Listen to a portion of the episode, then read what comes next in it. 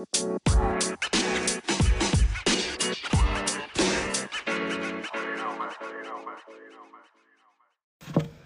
er en fornøyelse å ønske dere velkomne til eh, Powcasten.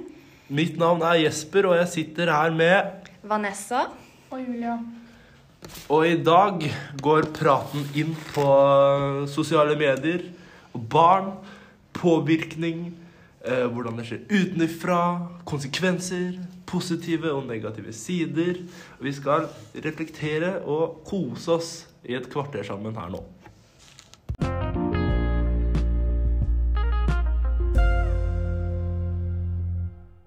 Eh, Det første temaet vi skal snakke om, er hvordan sosiale medier kan forme barna. Både på positivt og negativt. Um, og en ting som er veldig med på det, da, det er jo deres tilgang til informasjon. Fordi de hele tiden har jo tilgang til å søke opp hva enn de vil. Både ja, ting til skolen, da, og ting som de helst kanskje ikke burde vite så mye om, som for eksempel ting om seksuelle ting på nettet, seksuelle sider. De kan søke opp ting om terror, og det kan jo påvirke deres tankegang ganske mye tidlig i alderen. Man eh, kan risikere en psykisk helse som ikke er sunn. Ja, En eh, kan få konsekvenser i senere alder ved for stor påvirkning. ja, og det er jo ikke helt positivt. Sånn som eh, eksempel han Anders Behring Breivik, da. Han har jo sikkert hatt veldig mye fri tilgang til å søke rundt om ting, og vi ser jo at det ikke gikk så veldig bra med psyken hans. Absolutt ikke.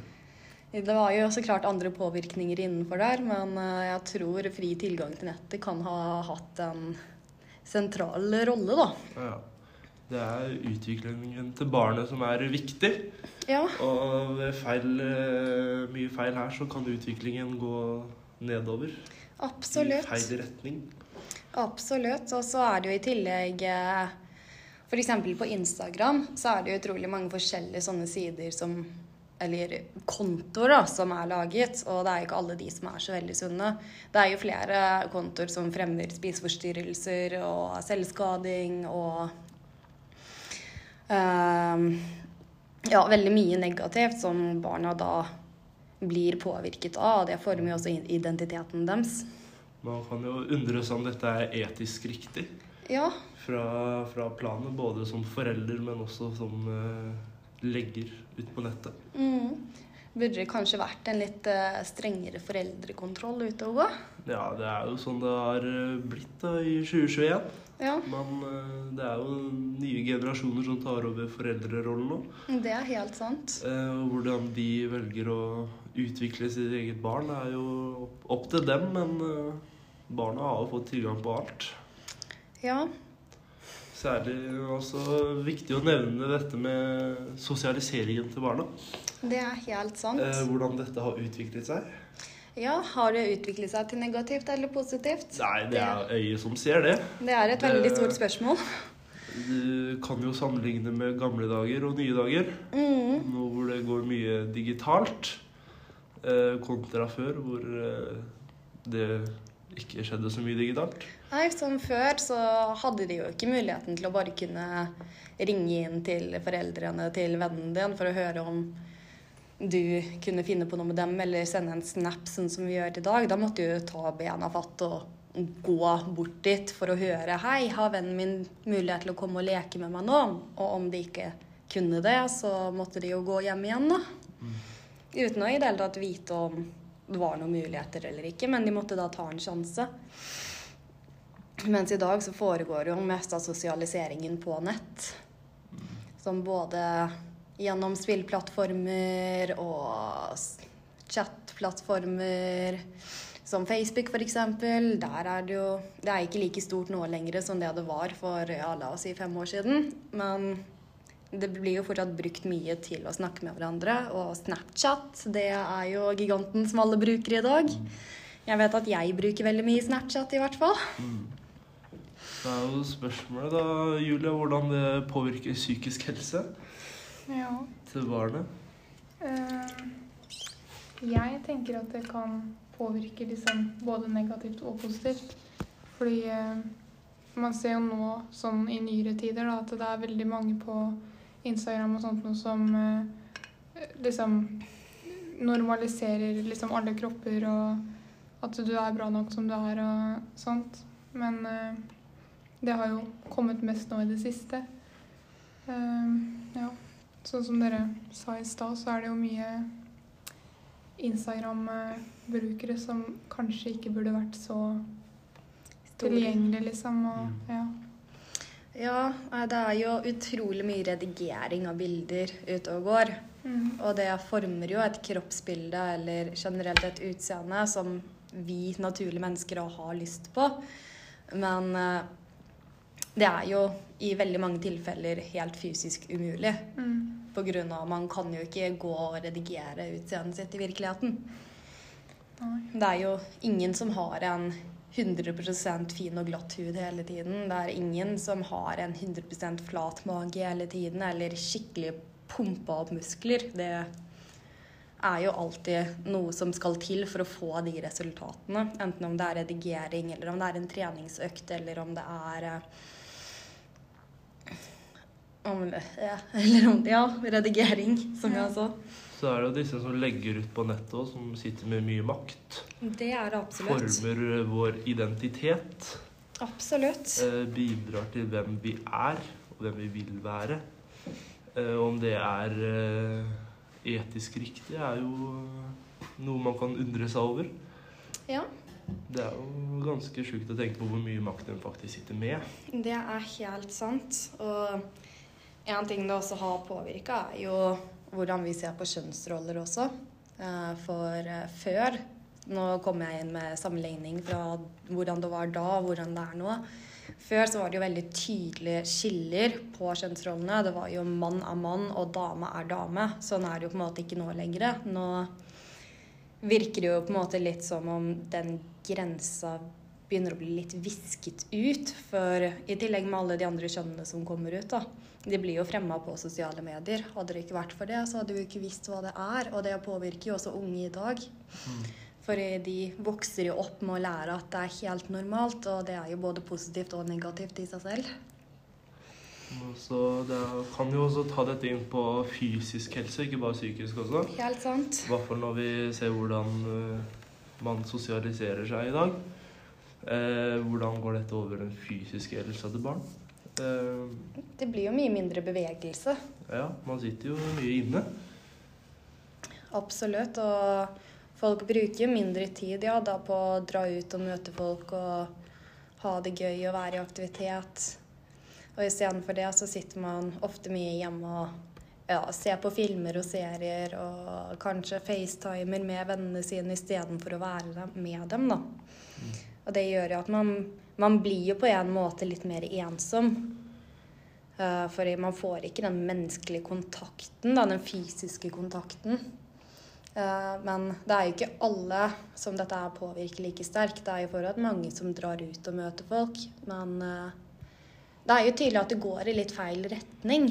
Mm.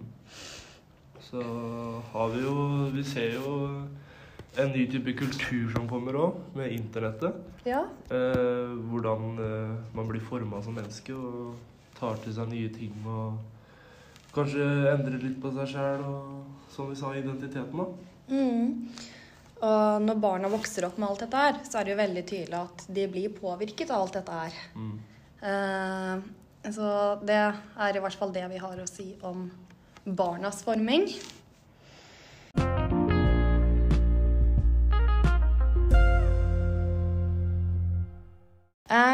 Det andre temaet vårt så skal vi snakke litt om hvordan sosiale medier har påvirket vår generasjon, altså generasjon Z, under vår oppvekst og oppdragelse.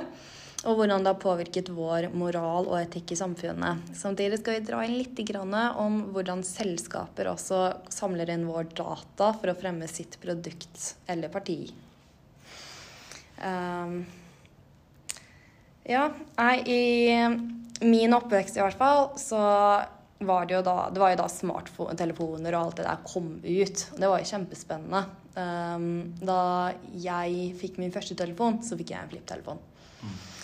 Og da jeg var eh, jeg var tolv da jeg fikk min første smarttelefon, så var jo det helt gigantisk. Plutselig så kunne jeg søke opp ting hele tiden, og jeg hadde alltid tilgang på alt mulig. Og det var helt nytt for meg. Det var kjempekult. Um, og det har jo gjort så jeg har blitt veldig avhengig av telefonen min. For uh, når jeg ikke har telefonen min og ikke kan søke opp ting og ikke kan snakke med folk, så blir jo jeg faktisk stressa. Og det er jo en ganske stor påvirkning. Og jeg tror at veldig mange i vår generasjon da, føler på akkurat det samme med den.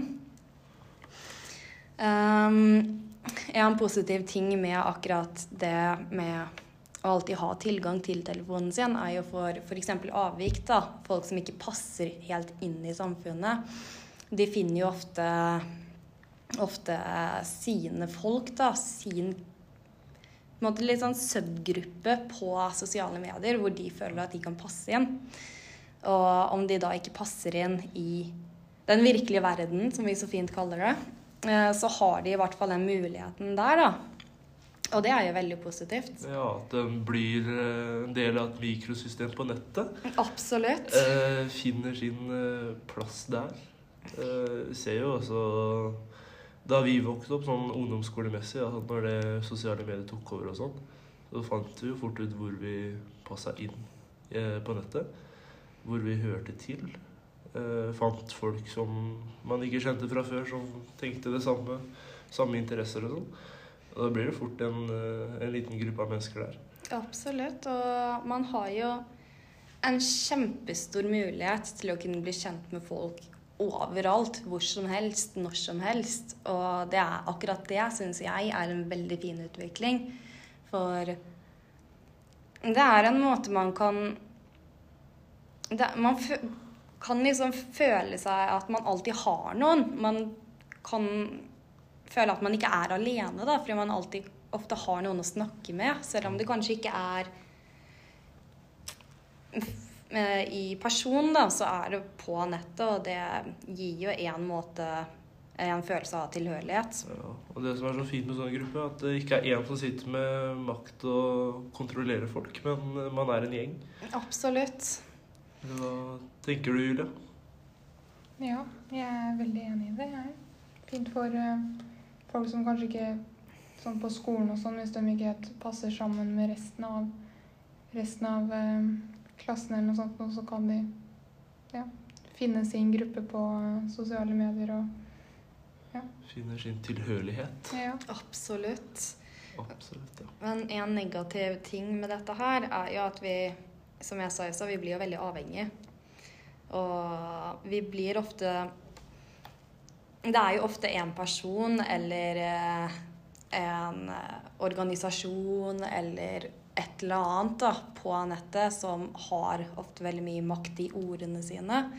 Og det kan fort påvirke vår moral, hvordan vi ser på ting, tenker på ting. Fordi de kan ofte ordlegge seg veldig fint. da. Ja. Så det er med på å forme vår tankegang. Så blir det liksom en flukt fra den virkelige verden også? Det blir det absolutt. Man, uh, sier, man vil kanskje heller leve på internett enn i virkeligheten. Ja, det, det er jo ikke en, akkurat veldig bra. Det blir en ny form for sosialisering. Det gjør det.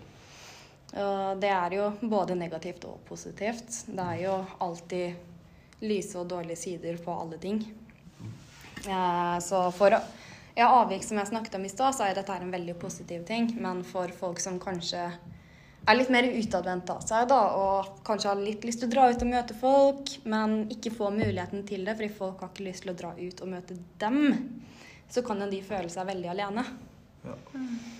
Så er det jo fort gjort å møte feil folk òg, da. Absolutt. Man, man ikke kjenner i virkeligheten, bare har snakka med på nettet. Og så ja. ja. Man kan jo aldri stole helt på folk man møter, men ikke vet hvem er som person. Man kan jo utgi seg for å være hvem som helst. Mm. Og det svekker jo tilliten vår til samfunnet. Mm. Og det er jo ikke helt positivt i seg selv. Men man kan også få venner for livet. Det kan man også få. Jeg har funnet min bestevenninne på internett. Ja, ikke sant? Så igjen positive og negative sider av en sak. Absolutt mange positive og negative sider. Mm. Så kort oppsummert så blir barn så klart påvirket psykisk av sosiale medier. Og det blir vel egentlig vi alle. Mm. det, våre normer blir påvirket av sosiale medier. Alt blir påvirket av sosiale medier. Verden hadde sett annerledes ut uten sosiale medier, for å si det sånn. Ja, da hadde den vel kanskje ligna litt på hvordan den så ut som for 100 år sia.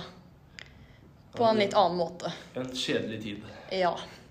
Så sosiale medier, både negativt og positivt, det kan trenge litt eh, forbedringer. Men vi hadde ikke vært eh, verden vi er i dag uten. Nei. Takk for oss. Takk ha det bra. Ha det.